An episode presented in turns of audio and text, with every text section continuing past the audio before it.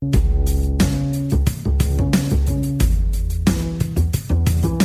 eru Adidas á Íslandi, Netgyro og Tag Heuer Mikkelsen sem færa þér djöflavarpið.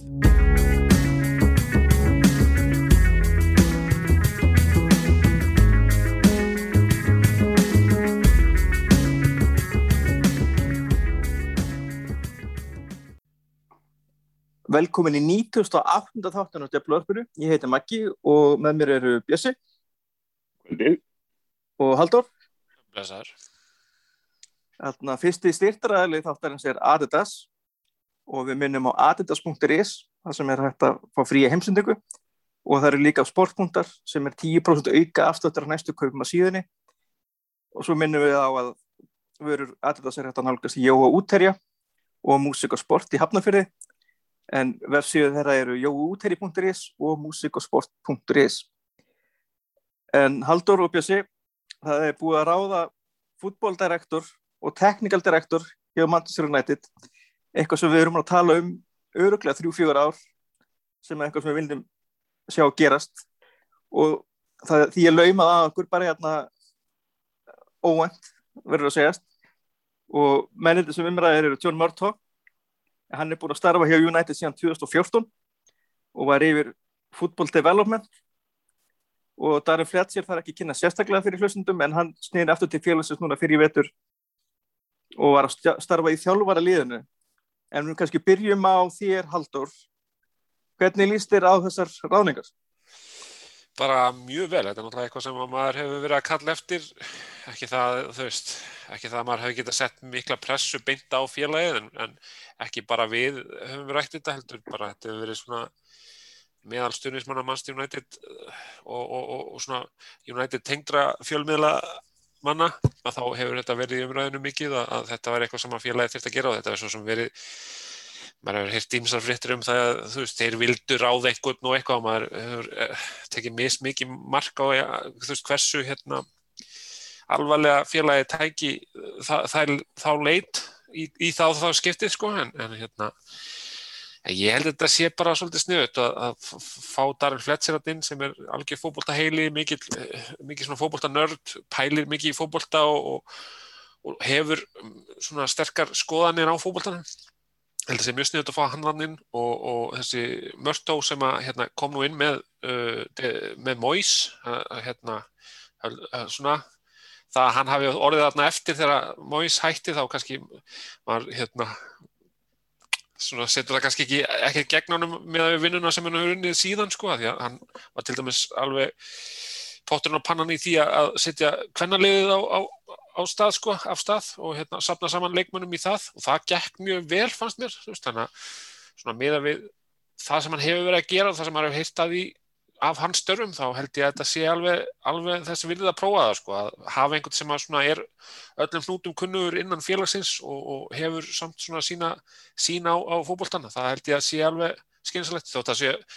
veist, auðvitað er alltaf svona kannski ákveði valjú í því að fá einhvern inn sem að sko kemur með einhverja nýja sín og, og eitthvað en hefur samt ákveðna reynslu af akkurat þessari stöðu að þá, þú veist, þetta er bara einu leið og, og hérna, þú veist, ég held að þetta sé alltaf betur en að hafa ekki einhverja í þessari stöðu. Og þetta er svona, þá er þetta útvartir í rauninni svona á, á bladi hefur hann ennþá svona final say í þessu en, en þetta er það, þetta er ákveðin breytinga hans hlutverki samt og, og hérna ég held að það sé alveg til bóta þannig að, þannig að já, ég mér bara líst vel á þetta, ég hlaka til að sjá svona hvernig, hva, hvað áhrif þetta hefur. En Bissis, finnst þér þetta bera, hérna verið til marg sem að sé ákveðin metnar fyrir félaginu með að gera betur? Þá knastmyndilega ekki bara já, já, ég held já, ég held að verða að segja það. Þetta er ekki alveg það mest spennandi sko sem hérna sem maður hefði kannski getað séð en hérna en þetta er í raun og veru ekkert meira heldur en maður bjóst við. Uh, ég held að sko það er náttúrulega búið að vera standandi brandari að hérna að þessi ráning væri hérna alltaf á leiðinni þegar það gengi ítla það var eitthvað, það var eitthvað sem maður hægt að setja inn í hérna blöðin til að beina sjónar frá einhverju runnvöldu vandamála og vellinu með eitthvað og hérna ég held að menn hafa nú ekkert verið að rosalega býða eftir sko hérna einhverju, einhverju nafni. Uh, en uh, ég sé ekki mislegt í þessu sko, það er tvent annað sem er að gera Mattjörn sem sem ykkar hafa heyrt af og er vist raun og veru maðurinn sem að hérna, gerir, gerir samningarna og, og sér um kaupin sér um, sér um sagt, wheeling and dealing á mjög slemri ennsku en hérna hann er orðin ef ég maður er chief negotiator eða eitthvað álíka. Sko það breyttist hann var með eitthvað allt annan titil sem að endur spekla ekki það sem hann var að gera það er hluta þessum breytingum. Nú, hann, hann, hann er, hann er direktor of football negotiations heitir það. Hann er sem sagt innköpastjóri já já. Uh, samt, sko, og samningastjóri kannski er er ekki, samning, samningastjóri þannig að hérna sem er raun og veru bara það sem hann er verið að gera og, hérna, og það er ágætt. Uh, það sem þetta gerir þetta fókuserar sko Mörtók er líklega ekkert að fara að gera eitthvað rosalega mikið meira en hann hefur verið að gera. Uh, Fletcher er ekkert að fara að gera eitthvað rosalega mikið meira en hann að fara að gera. Og Mattias er bara að gera nákvæmlega það sem hann hefur verið að gera. Það sem þetta segir er það að það er verið að formalísera hlutina betur. Sem þýðir það að ef við þurfum þá er hægt að reyka og ráða í þessi störf. Það er að segja ef að það er ekki eins og nýr maður þurfa að koma inn og búa til jobbi það er eitt af stærsta sem ég tek út úr þessu. Þannig að hérna, ég er svo litið skeptiskur á sko, aðskilnaðin milli Murdoch og hérna, Fletcher. Hvað þeir gera. En hérna en mér líst rosalega vel á Fletcher og það sem maður hefur verið að lesa um Murdoch þá er þetta bara príðilegt, hann er mentaður í, í fótballtafræðum og, og er frekar solid þannig að hérna, ég líf bara mjög láta uh, eitt sem ég sá í gær uh, Mútort er fluttur til London og hérna það er nú samt sagt og það mun engin áhrif á starfið og svo framvegis og svo en, en með þessum breytingu þá er þegar nér ekki lengur kannski þegar býr ekki aðsýstir og kannski fljú á millið eitthvað dælu þá þá hefur það samt ákveðin áhrif á það að, að þessir tveir fái aðeins meira sjálfstæði kannski. Þannig að þetta er kannski ekki nöfnin sem maður vildi sjá í þessum stöðum og þetta er kannski tvær stöður í stað fyrir eina en, en það er alveg heilmikið positíft í kringu þetta. Það sem ég sé helst er líka það að þetta þýðir þá vantalega, og maður svona lesi það, að, að Woodward eh, stýgur aðeins frá þessu, eftirlætuð öðrum það að kannski hafa meiri ábyrð á þessum hlutum og, og hann einbytti sér þá að, að, því að því sem hann er bestur og hérna, og ég held að það sé jákvæmt. Það er að telja auðlýsingar. Já, já. En, en það, það er talað um að til dæmis að hérna, Matt Judge, sko, hann heyri undir Mörtó og, og þú veist, þurfa að bera allt undir hann og maður er svona kannski hugsa að, að hans hlutverk, það sem hann hafi verið að gera í þessum samningamálum hafi, hafi meira verið að, að hérna, heyra undir útvart síðan á endanum, þannig að það er kannski komið þarna að skrifa á, á á milli og líka bara það eins og Fletcher og þetta þeir, þeir eiga að vinna nái með Solskjær og Solskjær hefur náttúrulega sitt input og svona þá er, rauninni, er þetta kannski komið ákveð svona þeir eru þá í rauninni hugsa fókbólta sínina fyrir félagið en eru samt líka með Solskjær í lið og bakka hann upp þegar þarf. Og ég held til dæmis, ég hef mikla trú á því að Darin Fletcher sé svona þannig karakter og ég hef heyrst að reynda með Mörtó að hann sé mjög flottu karakter og, og hérna svona góður gaur sem að er alveg hands-on með sín störf, veist, eins og hvort sem hann hefur verið að vinna í sambandi við hérna, yngri liðin eða, eða kvennalið, að þá er hann svona, veist, honum finnst ekkert mála að vera með einhvern leikmann sem er nýkominn til félagsins bara rúnda með honum um og sína honum uh, borgina og, og mæta með honum á, á næsta mót og svona, þú veist, þannig að hann vil vera veist, alveg inn í þessu sko, inn í þessu mannlega þætti líka. Og ég held að það sé mjög mikilvægt í þessari stöðu að, svona, að, að þú veist eins og Ed Woodward er ekki, hann er ekki mest svona uh, svona mest, most likeable karakterinn í boltanum. Og, og ég held að það sé gott að hafa einhverja svona sem eru bæði með bein í nefninu og líka samt svona svona betri karakter einhvern veginn, svona skemmtilegri persónuleikar. Meira, meira gudvill kannski meðal stuðnismanna og, Já, og ég held að ég held að Darren Fletcher sé líka alveg hann hefur þessa, þessa virðingu innan meðal knaspinnumanna og hann hérna náttúrulega, já, ég trú að því að hann geti verið, þú veist, gaurinn sem er með þú veist, Solskir, þú veist, er með hann í sínu liði, en ef að Darren Fletcher er ósámál einhverju sem Solskir hefur fram að færa eða einhverjum pælingum, þá heikar hann ekkert við að segja það og, og færir þá knaspinnuleg svona analýserandi rök fyrir sínu máli. Og þannig að ég held að það sé mjög sniðut og, og hérna, það, í- það er bara svona spurning hvar, hvar, að að þetta er náttúrulega svona fyrsta skrefið hans inn í líf eftir, eftir leikmann, leikmannaferilin og það er bara spurning hvert hann þróast, hvort hann sjáu fyrir sér að vera í þessum störfum eða hvort hann vilji á endanum færa sig yfir í, í þjálfun eða, eða, eða svona stýraliði, það verður bara komið ljós en þetta er allavega mjög áhugaverður staður til að byrja og hérna ég, hef bara, ég hef gríðarlega mikla trú á, á Danny Fletcher og Mörtó er svona, eftir því sem maður kynni sér meira um hann þá, þá, þá kann maður betur að metta það sem að kemur fram sko en, en, en það er svo sem kannski ekki mikið að- margir að fara að hendi einhverja hneggslisgreinar um hann á þessum tímapunkti, ég veit það ekki en, en, en ég, ég, held, ég held að þetta sé bara jákvæð sko. En Það, það er hérna, eitt sko með Matt Judge, hann er náttúrulega einn af þessum drömmur í manningu hverju og svo þriði, en þeir eru þrý þannig að vínir úr háskóla, sem þetta Woodward og Judge og í þriði, og ef við erum að einokka Judge aðeins frá Woodward, þá er það eiginlega bara gott sko, það er hérna eh, minni klíkuskapur, meiri professionalismi, held ég alveg öruglega, þannig að sko, það er alveg einn klárlega einn hérna hérna solid hlutur í þessu. Þannig að, þannig að ég held að þó aftur ekki kannski mest spennandi en bara solid og gefur vonum að við séum að byggja upp hérna réttan sem þetta, búa til uppbyggingu í félagin þetta? ég með Ég- spurningu, spurningu samt, Bjössi, hérna, því þú komst inn á hérna áðan um að, að, að, að það verður ráða leik, hérna, menn inn sem að eru hjá félaginu og það eru ekki, ekki að rauna að búa til starfi að það er að ráða inn í, en er þetta ekki líka ákveðum kostur ef að einhver af þessum fer sem, sem svo að að Ólfur Gunnar Solskjær verður látið fara, er það ekki meiri líkur að þú sért þá með kannski, þá ertu með eitthvað ákveðna stefnu sem er í gangi og þú ert ekki endilega alltaf að fara að henda henni út þegar Það kemur í þjálfarinn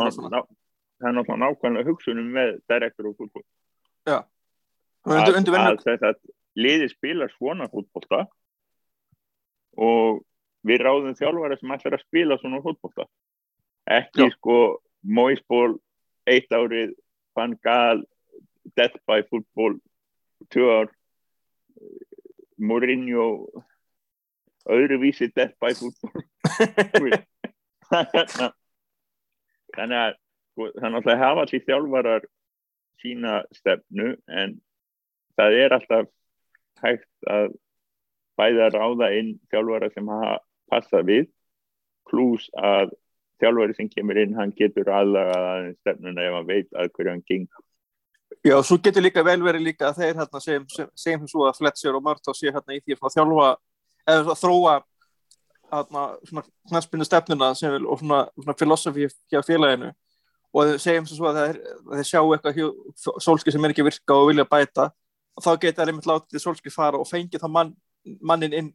sem passar inn í það hlutur ekki staðin fyrir að, að sólski er ekki að virka. Fáum bara einhvern inn og byrjum bara upp á nýtt og gefum bara eitthvað. Þannig, að ef, e, þannig að það er náttúrulega það er svona það jákvæðasta sem að sér við þetta og, og, og líka eins og Haldur kemur inn og ef að Fletcher er, er þessi knaspinni heili þá er einmitt þetta staðan sem að maður vildi vilja sjá hann í. Já, ég held að líka eins og með Matt Judge það er náttúrulega verið bent á það að hann hafi verið að hérna sjá um samningagerð sem við höfum nú ekkert endilega alltaf verið sammála eins og þetta að vera endalust að, að framlengja samning við leikmenn sem að kannski hafa takmarka rullu eh, til langstíma eða, eða leifa leikmennum að, að hérna, renna hálfpartin út á samningum þannig að þeir fari fyrir lítið sem ekki neitt sem hefðu kannski gagnast liðinu áfram. Þannig að það er svona spurning sérstaklega kannski með þannig vinkil að, að reyna að verja virði leikmanna sem að hafa ekkert sérstaklega mikið virði fyrir svona knaspinuliði sjálft, þú veist, einn á vellinum að, að þegar að Matt Judge þarf að reporta til hérna Mörtó, ég, það svona kannski veit ekki alveg hvernig er best að orða þá í íslensku, en þegar, þegar, já, þegar hann heyrir undir Mörtó í rauninni, frekar en Woodward, að þá er spurning hvort að um, það sé líklega að knaspinnulegar uh, ástæður ráði för þegar kemur á því að semja og endur semja við leikmenn heldur en endilega bara viðskiptasjónamið og að verja einhvers konar virði eða, eða, eða eitthvað þannig. Þannig að það, það gæti alveg haft jákvæð áhrif á það þótt að kannski eins og segi veist, þessi maður hafi staðið fyrir ímsum samningum sem að hérna sem að hefur síðan end, á endanum komið niður á liðinu þegar það hafa setið uppi með leikmenn sem að geta ekki, eiginlega ekki notað í liðinu en, en geta heldur ekki selta því að þeir eru of, of laungum og dýrum samningum sko. Algjörlega, en talandi um hérna dýra samninga en þá er hérna er svona Cavani búin að vera í fréttum en það eru fréttur um það eða slúður hræringar um það að hann muni ekki skrifundi nýja samning við Manchester United og, og það tala um að hann ástæðan sé að hann sé ósattur og hafi fengið ekki að spila meira og líka það að hann vilja enda fyrir í Suður Ameríku og þá í þetta hjá Boca í Argentínu. En ég spyr það breyt, mér heldur held að það minni breyta áherslum United og leikmannamarkaðunum sem hérna ef að Cavani verður ekki ef fáum ekki eitt á svona bömpir áhrif viðbátt frá Cavani í bjössu uh, Já og nei. Uh, sko.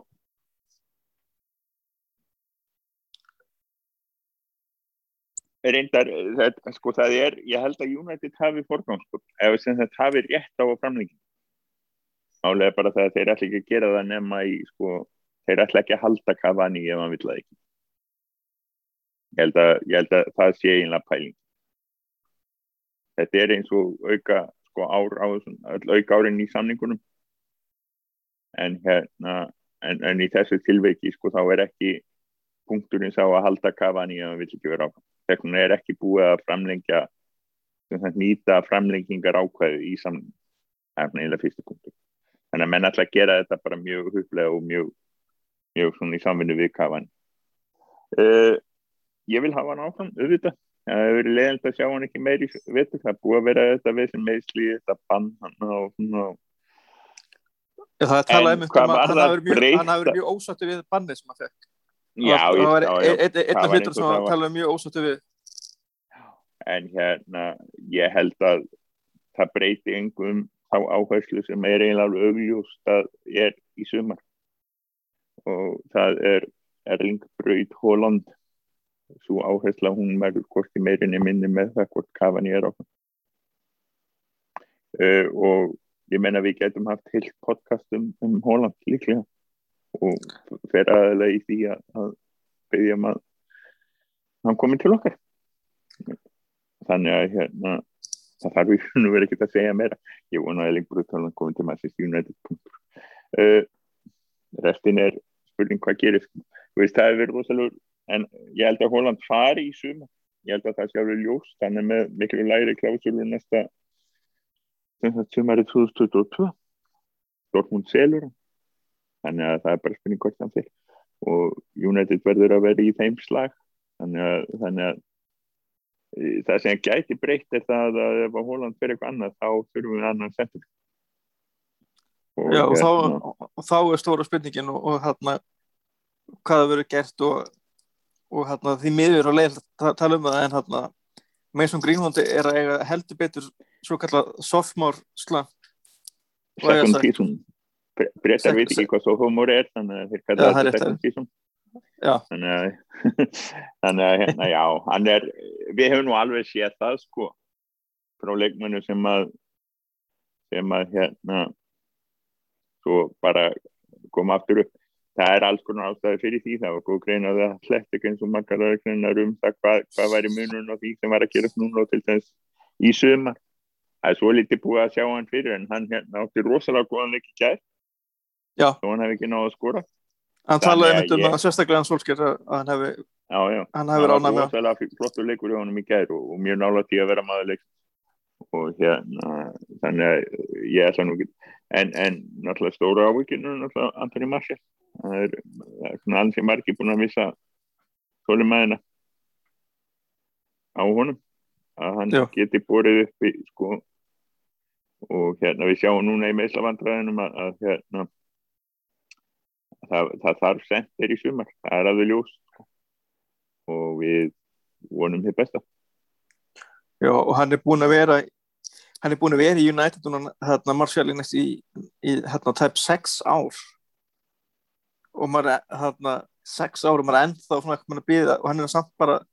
hann er nú bara, er bara 25 ára en það er, það er mjög stutt sko 25 ára er einlega þá verður að hætta að tala um efnilega leikmenn. Já, það er bara þannig í dag. Það við, við sko þess að ánum veist af ef þú hættir ekki þannig að 25 ára. Þá er alltaf náttúrulega Phil Jones. þá er hún orðin 28 ára og hérna hann á lán til vestan Áts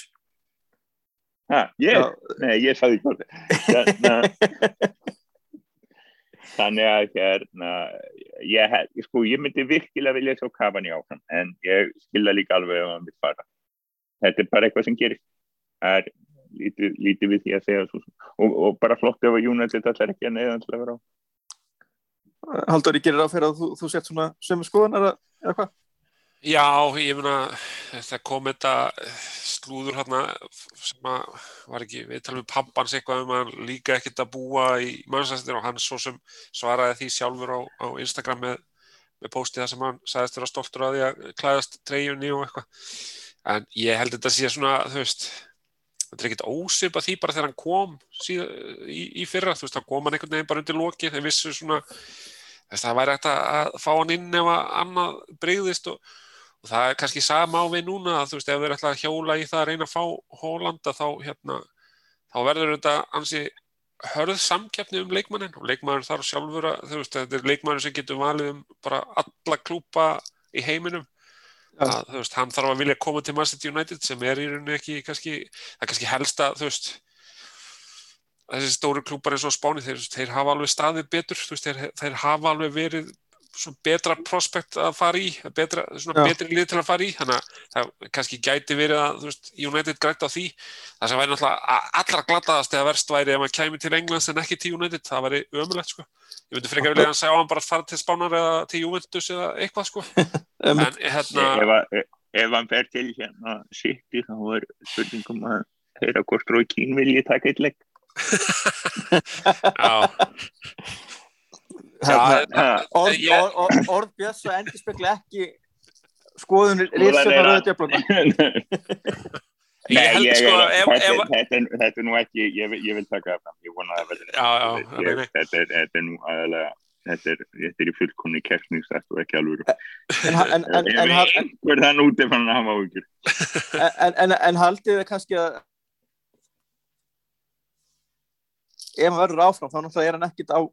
hann er ekki einhverjum sko afslátt af launum þannig að ef að það á að fá inn mann þá kannski er ekki mikið vitið því að vera með Cavani á háum launum sem þá annan til þriðja Já, ekki nema, ekki nema þá að, að sko, ég held að þetta sé, þetta sé, þetta sé, þetta sé fínt option að hafa, eða fínt valmöguleiki að hafa ef að það tekst ekki að fá Holland yfir Já. eða ef að Holland kemur og Martial fer til dæmis að þá sé, veist, en, en þá þarf Cavani að vera tilbúin í þetta hlutverk sem að, veist, kannski er hann ekki tilbúin í það og þá bara er hægt að virða það við hann bara á sama háttum að, að virða það við Smáling og gerði það með glöðu geða að virða það við Smáling að hann fóra því að hann vildi ekki vera á begnum og vera, hérna, varaskefa, þú veist, mað, ef að leikminn hafa bara þann metna, vilja ekki vera í þessu hlutverki og, og halda þær hafi meira fram að færa bara verið stærri hlutverkum annar staðar þá, þá, hérna, þá getur maður ekki verið eitthvað ósattu við það. Eins, eins mikið og maður kann að meta það þessar típur sem eru tilbúinir að vera góðir leikmenn í hóp en ekki endilega í besta byrjunliði, þú veist, allir þurfa þannig leikmenn. En, en þú veist, ef að leikmenn segir bara nei, veist, ég væri ósattur ef ég væri ekki bara að spila alltaf í byrjunliðinu og vill fara annað og þá hérna, þá er það bara þannig, þá, þá er betra fyrir alla aðeila að leifa þeim leikmennum bara að fara, sko, þú veist en ég, ég, ég hef verið ánæðið með hans framlag og, og hans innkom inn í lið og hann hefur staðið sér miklu betur en ég eiginlega þorða að vona. Þetta var svona, ekki að maður hefði búist við hann yfir flopp en hann bara var ekkert með það mikla væntingar þannig að hann flög fram úr þeim mjög, mjög auðvelda og, og bara er topp fagmaður þótt að, hérna, veist, þótt að pappas hafi verið eitthvað með eitthvað slúður og þá hefur hann ekkert, hann hefur ekki komið fram á neitt, neitt annað en, með neitt annað en virðingu gagvart félaginu. Er, er þetta ekki bara svona Ég bróður, allt bróður hans Pogba fyrir að tjá sig og maður svona bara já, já, ok. Já, allir það ekki. en, en, ég held einmitt sko þetta, þetta bara sé í diskussjón innan klubsins og milli hans og þeirra og og þetta er að Nei, ég held, ég held líka að Þetta þetta, þetta, kannski standi og falli með, með því og þá held ég að hljóta að vera þannig að, að liðið þurfi að hjóla í það að reyna að fá inn Holland eða ef það er einhver annar sem að þeir vilja freka fá eða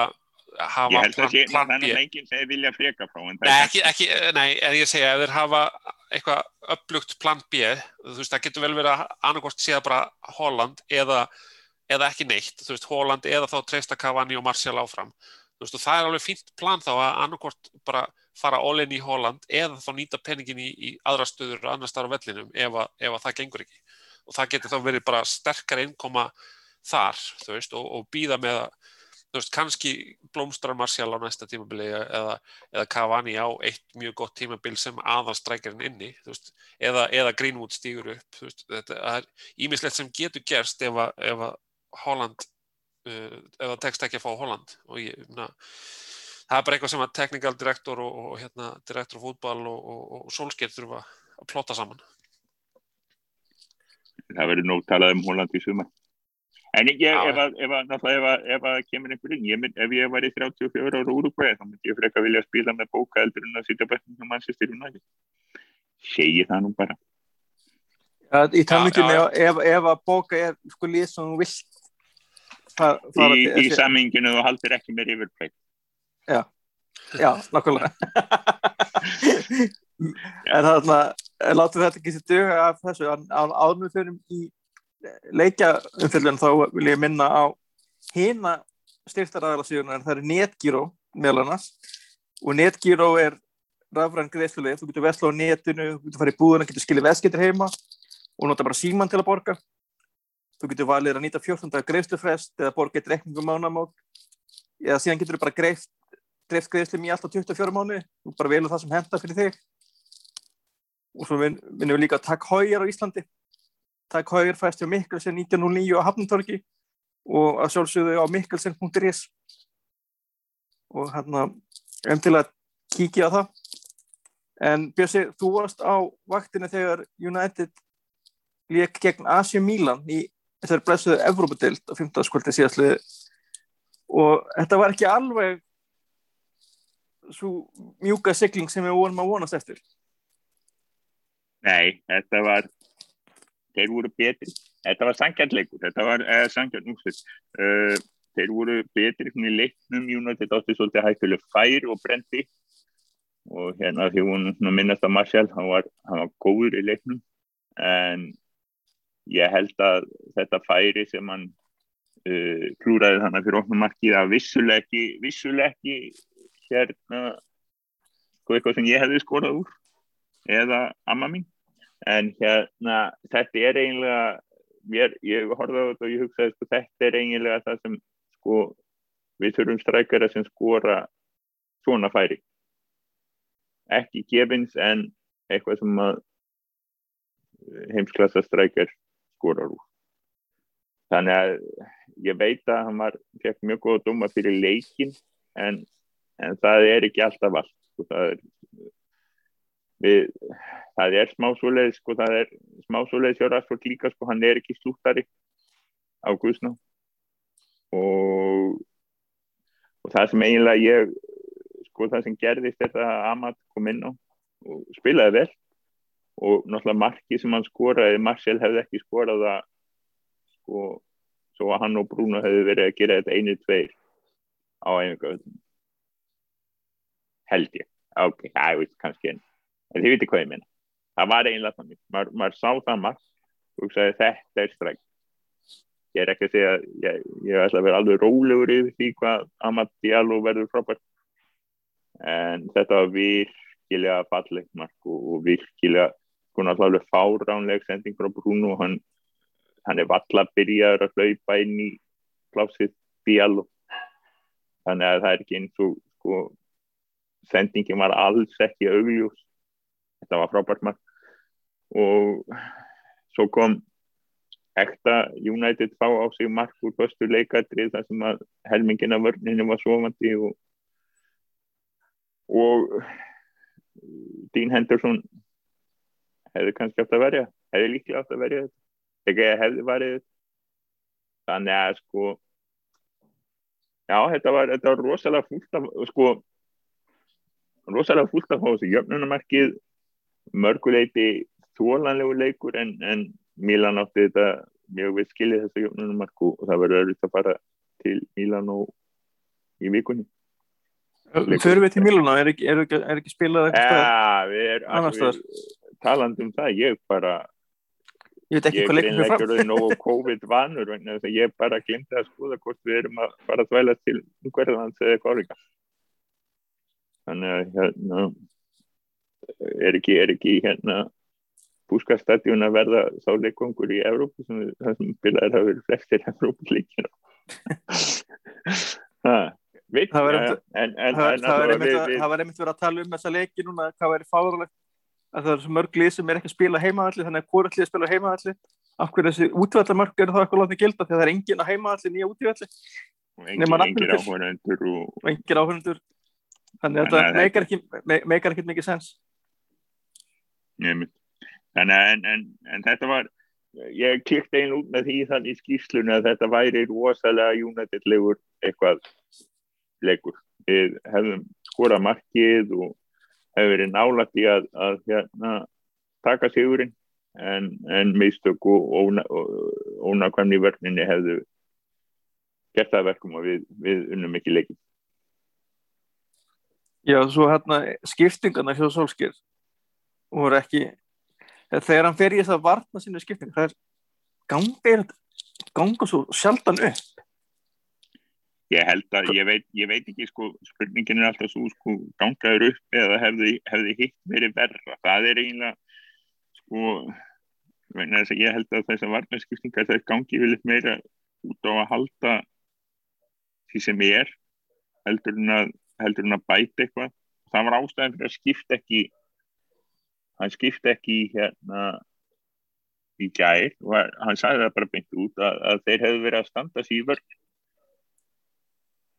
þannig að hérna já ég veit ekki alveg sko ég er hérna já þetta var smá skrítið sko en, en hérna en það var uh, þetta var Mílan voru góður við skulum ekki taka það þeim. þannig að það verður það verður bara að fara á útíföllin svo sem hann er og skora mark við verðum að skora mark En það Allt, var- haldur, og haldur þarna þú ert á sömu línu eins og við erum gríða fyrir Já, já, ég meina þú veist, þetta er svona bara með þessar skiptingar og þessar pælingar að hérna, maður sér það rosa mikið til dæmis bara kommentum í, á, á síðunni hjá okkur og eitthvað að, hérna, þú veist, hann er alltaf gaggrindur, þú veist, ef hann skiptir og ef hann skiptir ekki og ef hann rótirar og ef hann rótirar ekki, þetta er rosalega erfitt einhvern veginn að þetta sé áfram með þessu og hann virðist líka vera veist að þessar ákvarðanir hafa dálítið verið að koma, koma í baki á honum alveg saman hvort hann er að skipta eða ekki. Veist hann er að fá jöfnumarki í andlitið og, og, og stundum og hérna. Og það er náttúrulega er- eft- eftirminnilegra heldur en kannski þegar hann skiptir einhverjum inn og, og hérna og liðin næra hanga á því. En, en, en ég með að þú veist það bara þarf að fara og hérna skora mark og þú veist, það geti verið fínt að koma þannig, með þannig huga að fara inn í setnileikin að hérna, það, er ekkert, það er ekkert að verja, það er engin staða að verja í þessu og það væri ógeðslega glatað að falla og leika á, á markanlösu jafntöfli, frekar bara frekar að tapa leiknum að því þú varst að sækja, reyna að sækja sigurinn og hérna, ná þá að skora en, en heldur en að klúra þessu á einhverju 0-0 móði, sko. Já, en er ekki hérna, þetta er kannski svolítið svona damned if you do, damned if you don't oft með þessar skiptingar. Já, já, já, já, ég meina þú veist, það er eitt af því sem að Solskjær þarf bara að, að uh, fínpúsa hjá sér, þú veist, það er eitt Já. af því sem að hann byr ábyrð á að ná réttu, þú veist, það er bara það sem að fylgir sko- þessu starfi, en, en svo skoða maður líka sko hvað hann hefur til að setja inn á. Þegar að oft eru að gaggrina þarna, við komum inn á eftir, þarna er þetta áhvert með skiptingar til leiknum í gær en það kom inn á hann aðeins eftir en þarna leik, þú veist, þegar maður skoða bekkin, þú veist, sem við leikum svona Nemanja Matic sem er, maður held kannski eitt leikur í mánu var kannski the trick til að, þetta er hann virðist bara algjörlega að vera brunnin út. Þannig að er þetta ekki maður sem að, þú veist það bara hérna, þetta er hérna að reyna að losa í sumar? Stóra spurningin er hvert tegur hann fer hann til Ajax eða getur plankan að þanga þegar við erum sér að því að taka leikmann sem er ekki gangu upp í úrlöðstöldinni eða hvað finnst ykkur um það? Ég, ég, ég, ég held að sko ég hann verður 33 ári í ágúst við erum ekkert að fara að losa hann sko. ekki nema bara borgan út Það er sko 33 ára í mannárum en í fókbóltárum eða þannig að velli er hann eins og 82 ára Já, hann er þetta er ansið mikið búið sko. hérna. þannig, að, þannig að ég held að ég hefði hefði haldið að vera eldur Já, sko, eins og Gaglind og Solskjær hafa verið að benda sko, það var smá léttar umræður á, á í kommentum um dag, daginn um, um Solskjær og, og gæði hans eða ekki gæði, hann er í tíða að fá nýjan samning uh, sko gaglindurinn hafa þetta punta, það er aldrei þannig að þeir sem er að gaglina stjóra eða leikna eitthvað hafa ekki einhverja punta það er alltaf eitthvað sem að hægt er að sko gaglina og skiptingan er reyð það er sko það er ekki alveg við sólskil að sakast það að við erum með aðeins og breyttan hóp. Og það er alveg leikmenn í þessum hóp sko, sem þarf að skipta út. Og það er bara spurningin svo sko, hversu mikið fjárhærsleg sko, erfið er það að skipta út leikmenn og hvað er hægt að kaupa inn í staðin er, hversu erfitt er það að rúta og hérna en það er náttúrulega þetta þannig ef þetta ferir, við erum margbókt búin að fara yfir það að við viljum svo strækjur og, og varna sinnaði miður mann eða, eða bókst og bókst með mann og, og við viljum sá hafa sendt og ef að þessi þrýr koma þá er hægt að sagt, þá verða menni svo Matic, Jones þá verða þeir sagt, ekki einu sinni bekk og þá er alveg sko bara bara að borga samninginu finna nýjan stað og, og gefa þeim frí transferið eitthvað sko. Það er það sem hefur búið, við höfum verið ógeðslega pyrruð út í. Er þetta sko að menn er að hanga að eilífu og það er bara vissulega rétt að það hefur tekið bara þokkalega að losa okkur við leikminn sem við vildum ekki hafa í hók þannig, þannig fér það er erfitt. Þetta, þetta, hafa verið á lungum samningum og þetta hefur verið en, en við erum að, að losa og náttúrulega Jessica Lingard hann fer núna og ég held að það sama gerir ekki á Mattis í svona, hvernig svona það verður. Já, Mata náttúrulega er held ég, það er öruglega ekki nýja sömning og þá náttúrulega losnar ég sé ekkert vola launahafur en þá samt svona losnar pláss fyrir aðra leikmenn og svo eru, eru með hellinga leikmennum á, á láni í, í, hérna, í útláni. Og, og ég held að það er ekki margir af þeim sem að sér sem eitthvað svona framtíðar leikmenn hjá United. Leikmenn eins og Tjóng og, og fleiri sem að hana, James Garner er, a, er að standa því á fórist Já, James Garner er, hana, er eitt, er mjög mikið efni og, og hana, það er leikmenn sem maður hefði viljað sjá kannski aðeins meira með bara United og, og ég veit ekki hvort það verði eitthvað mikið pre-season núna eftir þetta tím fyrir næsta tímabila því að við verðum að fara að sjá EM og svo strax bara rauninni kjörfælega aftur hérna tímil þannig að spurning hvort að það, þarna, við fáum senn ekki sjá okkur stjórn en þú kannski Garnir og svona, þessi strákar eru kannski leikmenn sem að við fáum kannski að sjá á eða það verður farið í ykkur ferð, ég veist um að verður farið ykkur verð en eða verður ykkur æfingarleikir eitthvað þá er þetta, þetta leikmenn sem er klárlega spennt að sjá en svo er leikmenn sem Pellistri sem við keftum í fyrir þetta tímbil sem er núna útláni. Fór hérna núna í janúar en en svona hérna aðeins svona kolla maður smentu fyrir hún fyrst en það verðist ekki alveg vera full gróft að afskræna eitthvað en svona, maður lítur út til að dialóg sé kannski meira svona the, the real deal svo kallar Já, ég held að það hefði alltaf verið, verið sett upp þannig, sko, Pellistri væri meiri vonarpenningur en, en Diallo. Amat ætti að ætti, það var alltaf væntingarna voru þær að hann myndi koma inn í aðalis Já, vissulega, en hann að þetta var voru svekkit úslit en sem þú segir, þetta var sængja þegar öllu voru botning kolt en, en United mætti vestam í gerðkvöldi og það er margt áhvert en United held, held í hreinu held fjörðarleikinu röð í dildinni sem er vissulega gott með að við allt og allt þessu ómögulega vörðn okkar og svo, og svo fram með en hann að en svo er, byrstið, svo er annar fyrirhundu leikmar loksins fann að skora aftur fyrir United, Ongól við erum að sjá hann lengi. Við hefum saknað hans þetta var hörku mark ég vona að hann er maður gæri að við skoða þetta sem, sem hann var nú hann var hann heiða sér við markanstæðingana hann var nú hann að tröfla sko. Hann hafði nú alveg áhrif á þetta sko. Hann var að tröfla hann, hann hefur vonandi séð þetta en þetta var bara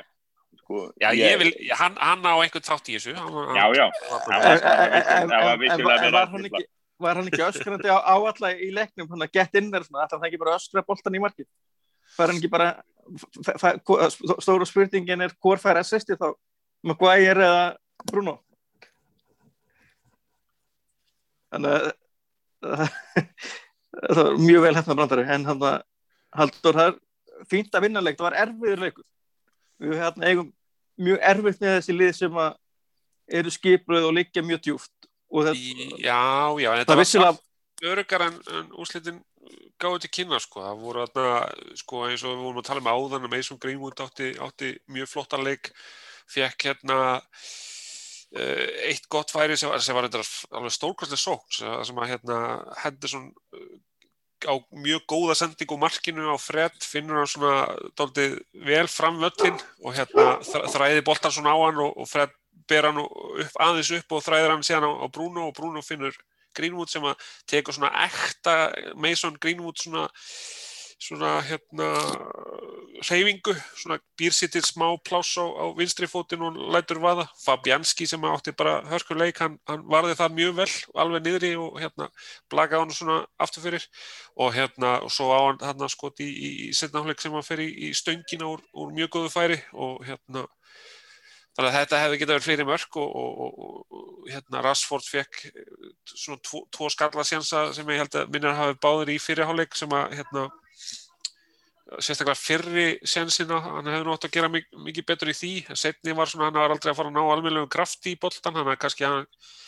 hefði svona eftir að hekja verið betri betri hérna ákveðin að taka boltar nýður í, í því færi en þá svona er þetta að sjá fyrirfram kannski og mögulega hefði það verið það þýtt á að varna maðurinn næðunum en, en í, í, í fyrrafærinu hefði það nátt að alveg klárlega að gera, gera betur. Svona kannski, kannski ekki alveg að spila heill en, en hérna að, ég veit ekki, ég meina sko Vestam átti ekki skot á, á ekki margt tilröðin á ramman sko. Þannig að þú veist, þeir voru mættir aðna og, og, og ætluðu bara að verja stíja sem þeir komið með og þannig að þetta var í raun sjálfu sér ekki veist, eftir að United skóraði þá var þetta í sjálfu sér ekki, ekki mikill í hættu þannig að en, en, en vissulega þólimaðis verk að brjóta svona velskiplað vörn á, á, á bakaftur og, og ég held að hafi nú hjálpað United liðinu að vinnum minn Jesse Lingard var ekki með Vestham sko, ég, að því að hann hefur verið algjörlega frábær fyrir, fyrir Vestham eftir að hann fór, fór þangað og, og hérna þótt að maður viðkynni það að hans tíma hjá United sé að enda þá hérna þá er bara mjög, mjög gaman að sjá hann allan að finna sig veist, að, að hann fái svona gleðin aftur í fókbóltanum og, hérna, og hann að mínum að þetta á það alveg skilir þótt að veist þótt að með ég segi yfirslegt um, um hvernig hann stóð sér hjá United sko, bæði, bæði oft, oft vannmetinn, stundum ofmetinn og hérna, stundum bara þú veist stundum ennur, ekki nú ennur en, en alltaf metin. Alltaf, alltaf einhvern veginn metin. sko, já, já, en, en hana, ég, na, veist, ég held að það hafi hjálpað til sérstaklega þegar koma að skindisóknum Vestham og, og svona vinnu svona pressu á, sem að sem að hérna liðið getur sko sett á, á öftustu menn og svona, að því að þú veist það eru fáið betri í boltanum en því, í því en, en Jesse Lingard að setja, setja, vinna í, í hápressunni og vinna, svona, vinna án bolta. Veist, hann er bara, hann er gjössalega frábær í því og hefur það, hefur komið með mikið inn í hérna leik hjá Vestam þannig hérna, veist, það, þeir söknu það alveg, alveg klárlega. Uh, svo bara, já, já, bara minn maður Maguire frábær, alveg stórkostlegur í þessu leik alveg bara algjör klettur í völdunni og, og þú veist, hann hefur svona oft, það har oft verið vannmyndi hvað hann hérna, hvað tjáið sér í leikjum, þú veist, þannig að hann fær ekki alltaf kredit fyrir það því að, þú veist, fólk þykist ekki heyri í honum hann, en hann er alltaf að tjá sig, hann er alltaf að tjá sig við samherja og við, hérna, dómara og mikill fyrirlið og leðtögi og núna er að fara að heyrast meir í hann, í honum, sko, upp í, upp í sjómasmyndarinnar og, og hljóðnumanna, þá, hérna, fær hann vonandi meira kredit fyrir það. Hjálpa, hjálpar að það er ekki stuðnismenn að gæla hérna já, já, Já, já, en, en þú veist, þetta var bara svona einn af hans, hans flótari leikjum fyrir, fyrir United. Þetta, þetta var mjög fýll leikur, Luke Sjón og það ennir flottur leikur í húnum. Já, algjörlega. Og þetta var hans áhugavert með hvernig uppleggi og vest hann var. Ég sá hann með tvær hérna, mjög svona til skoðunar á því uh, frá Guardian í dag, annars er var hann í Ten Things, sem er byrst alltaf á tíu hlutur um leikið helgarinnar og, og þá var, sá sem skrifaði þar var hérna týrættum það að þetta væri ekki í United 2012 undir Alex Ferguson eitthvað og, og liðætt að United væri veikverð og ég veit, ég veit ekki hvaða ár hann var að skrifa þetta sko uh, svo afstæði sem ég er samanlega kom frá honum hérna vestamsturningsmanni sem er bladamöður sem mann aldrei eitthvað heitir er, er einhver gætiðan líka það er, það er einn harður bestamæður í, í hópi einskra blagamann og, og hann benti bara einfallega á það sko, hvað er það að tala um eða sé að vestamæður að sækja hafið sé hvað United gerir við lið sem sækja? Og það er alveg horrið ef að lið liggja ekki tilbaka ef að United fær skindisóknunar og fær sóknir þá er það miklu hættulegri. Náttúrulega vestam fóra að sækja og, og United fekk fær þannig að ég held að ég held að sko þriði punktunum með þetta var það einhver sagði að þessi, þetta upplegg hefði svona David Moyes hefði aldrei átt að vera stjóri í United. Og, og, og það er vissulegt rétt vegna þess að þetta er rétt uppleggi og vestamenn aldrei, var aldrei rétt uppleggi fyrir Manchester United. En þetta var svona svolítið skemmtilega pælingar þessar með það. Uh, vestan gerði vel, náðu ekki stínu þetta var algjör 60 leikur. Erum nýju stugum undan vestam í staðan fyrir að vera þremur og þeim er leiktið góða þannig að hérna þannig að þetta var þetta var bara, ég var rosa lánað með leikin, hann var of stressandi en eftir á mjög ánaður og, og frábært að það var skiljaðans eftir smá gati í nýri fintastættu Já, ég er algjörlega á þessu. Ég held að, þú veist, ég meina, David Moyes má alveg fá kredit fyrir það sem hann er að gera með þetta vestamlið að, hérna, leikmennir alveg skrif undir þetta og, og kvita yfir því sem hann ætlar að gera með þetta og það, þú veist, að vera með þetta vestamlið í mestradelda barátt, mestradelda sætis baróttu er, er bara frábært, sko, og ég held að svona bestu leikmenninir hjá vestam var náttúrulega Fabianski sem að bjargaði þeim alveg nokkur sem sko mjög vel og Declan Rice sem að náttúrulega hérna í þessu hlutverki á miðjunni að þú veist, maður skilur alveg af hverju stærri lið og, og þar á meðal United eru að, að horfa til þessa leikmanns að, að þú veist, það er bara alveg, er alveg spurning hvort að hann myndi gera eitthvað, þú veist, að hann gæti þá verið þessi eini hérna þetta eina akkeri þarna á miðjunni hjá United sem að leifir þá tveimur í kringu sig á miðjunni að, að hérna, fljóta meira fram á við þú veist að þú veist, það er ekkert vist að hann geti uppfært sig í það en hann er allavega mjög flottur og góður upplifur leikmaður og, og mikið, stór ástæði fyrir því að, að vesta meira í þessu, þessari barhættu sko. En þarna, þetta svona úr leiki vikunar en framöndan eru stóri leikir hjá kalla ókvæmlega en Haldur, það skipur árum förum í hérna sveitin ekki ekkert Mílan en það er hérna pennulegið á ansi stóran leik á fyrstudagin Já, fyrstudagskvöldi klukkan hálf sjö þá er uh, 60 leikur, talandu 60 leiki það er 60 leikur á móti Arsenal á útvelli og þetta er í rauninni algjörlega krúsjál leikur, mjög mikilvæg leikur í baróttunum um, uh, í rauninni þriðja sæti, ég held að Chelsea og Manchester City séu nú svona aðeins fyrir ofan United á þessu stíi þannig að það þarf svolítið að gerast til þess að, United fara að blanda sér í, í þá baratu en, en til að halda Arsenal áfram fyrir aftar sig og að hérna að það skiptir máli, þú veist, hvort þú ert í öðru eða þriðasætið skiptir ekki það miklu máli en, en þriðja eða fjóruðasætið skiptir öllu máli. Og það er þannig að núna munar 60 um en Arsenal á leikti góða, þannig að ef, ef Arsenal vinnur þá munar þremur og, og, og að það er með leikti góða og, og miklu, miklu betri markatölu. Það er svona svipað varnanleikur sem eru hjá liðanum en Arsenal hefur verið að skóra tölvört meira, þannig að það er svolítið mála að reyna ná þeim markamun, veist, að, hérna, hvað er það, það munar. Að það eru með, það, sérst, United er með pluss 19 í markatölu og meðan Arsenal er með pluss 34 mörg, þannig að það, þetta er, er að, að vinna upp en, en þú veist, eitt góður 9-0 leikur getur svo sem fara langt með það en, en hérna, það er betra bara að halda þeim fyrir aftar sig með því að vinna eða allavega að gera jættumli hleypa þeim ekki nálagt og hérna svo er náttúrulega eins og kom inn á það líka leikur gegn Mílan sem að eins og Björnsvík myndist á aðan að það bara og haldur og þetta er leikur bara það sem United þarf að mæti til að vinna. Það, það er bara að mæta og alltaf skora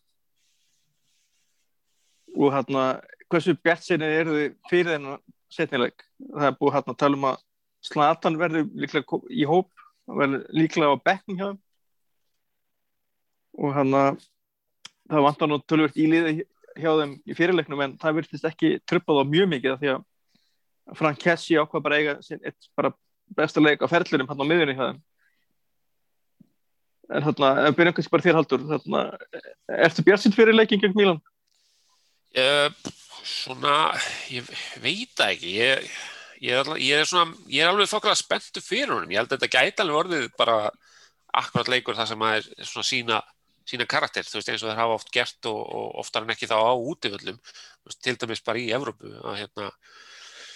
að koma einhvern veginn, þú veist, núna þurfa þeir reyndar ekki að koma tilbaka en það, þú veist, þeir þurfa að sækja allavega í það allra minnst að eitt mark. Og, og svona, þú veist, jújú, jú, að fá slataninn hjá þeim er er öflugt en það sem að kannski muna meirum það er að Hakan Sjalanoglu mun sennilega að spila þennan leik og hann, hann hefur verið svolítið þeirra Bruno sko. Þannig að hérna þú veist þannig að það er en á móti kemur að, að Solskjær er, er hérna bjart síðan á að, að United sé að fá mikið af leikmennum tilbaka og, og hérna jafnvel að Pogba og, og Van de Beek og Cavani gætu svona líklega ekki kannski stokki í byrjunarliðu en verið svona hluti af, af hófnum okkar megin þannig að það, þau veist, bæðilið getur verið með sterkari, sterkari hóp og það, það er svona spurning hverjum það henda betur, þú veist en ég meina, ég veist bara, akkur, er þetta ekki bara fína aðstæða sem að liði bara, þú veist, það er ekkert þú veist, það þarf ekkert að vera varkar það er bara hægt að fara all-in í að, þú veist, sækja markið og sjá hvað gerist sko. En er ekki Bjössi hérna, er ekki líka ákveðin vingill í þessu að, að meða við hvernig liðið er að spila í deildinu og, og verðist alltaf vera styrkja stöðu sinna í meistrardeldarsæti þarna er ekki bara um að gera að fara inn í leik og sækja því að ég held að það að þetta úr þessari keppni þá sér náttúrulega visslega gæðin að vinna bygg á allt það. En það er fórnarkostnæðin náttúrulega er svo mikið leikjálag á tíumbil sem er nú þegar með leikjálag fyrir. Þannig er þetta ekki bara og í þetta skipti er það sko ég, ég hef alltaf mjög mikið skilið það sko sem að það er ákveðin afstæða sem að helst þeir sem har á leiki hafa að það sé betra að vinna byggar en lendi í fjörðarsætti en núna er staðan svo að, að uh, það er næst í pointless að vinna Európa-deltinn út af því að það sé svo gaman að vinna byggar þess að hún verður haldin einhvers staðar í transportistan bara fyrir lokuðum dyrum. Það verður sko er fyrir stuðningsmannin er byggjarinn uh, eiginlega gagslítill í þetta skiptið ólíkt oftast. Og hérna það væri náttúrulega annar máli að þetta væri meistradildin en náttúrulega og náttúrulega annar máli að þetta er meistradildin og annar máli við værum ef við værum sem það tæpar í sko náttúrulega Múrinju og hann, hann tók þennan byggar af því að, að dildin var lungu farin og hérna nei, nei, ég held að, já, já, förum bara í þennan leik, sækjum, spilum skemmtina fólkbóltar og vinnum hann. Hvort why not? Hversin ekki hvort ekki og, og, og, með þeim orðum þá hérna hverju þið í bili en hérna strákar takk kella fyrir samverðin í þessum hætti og við stefnum á að vera með ykkur aftur bara eftir viku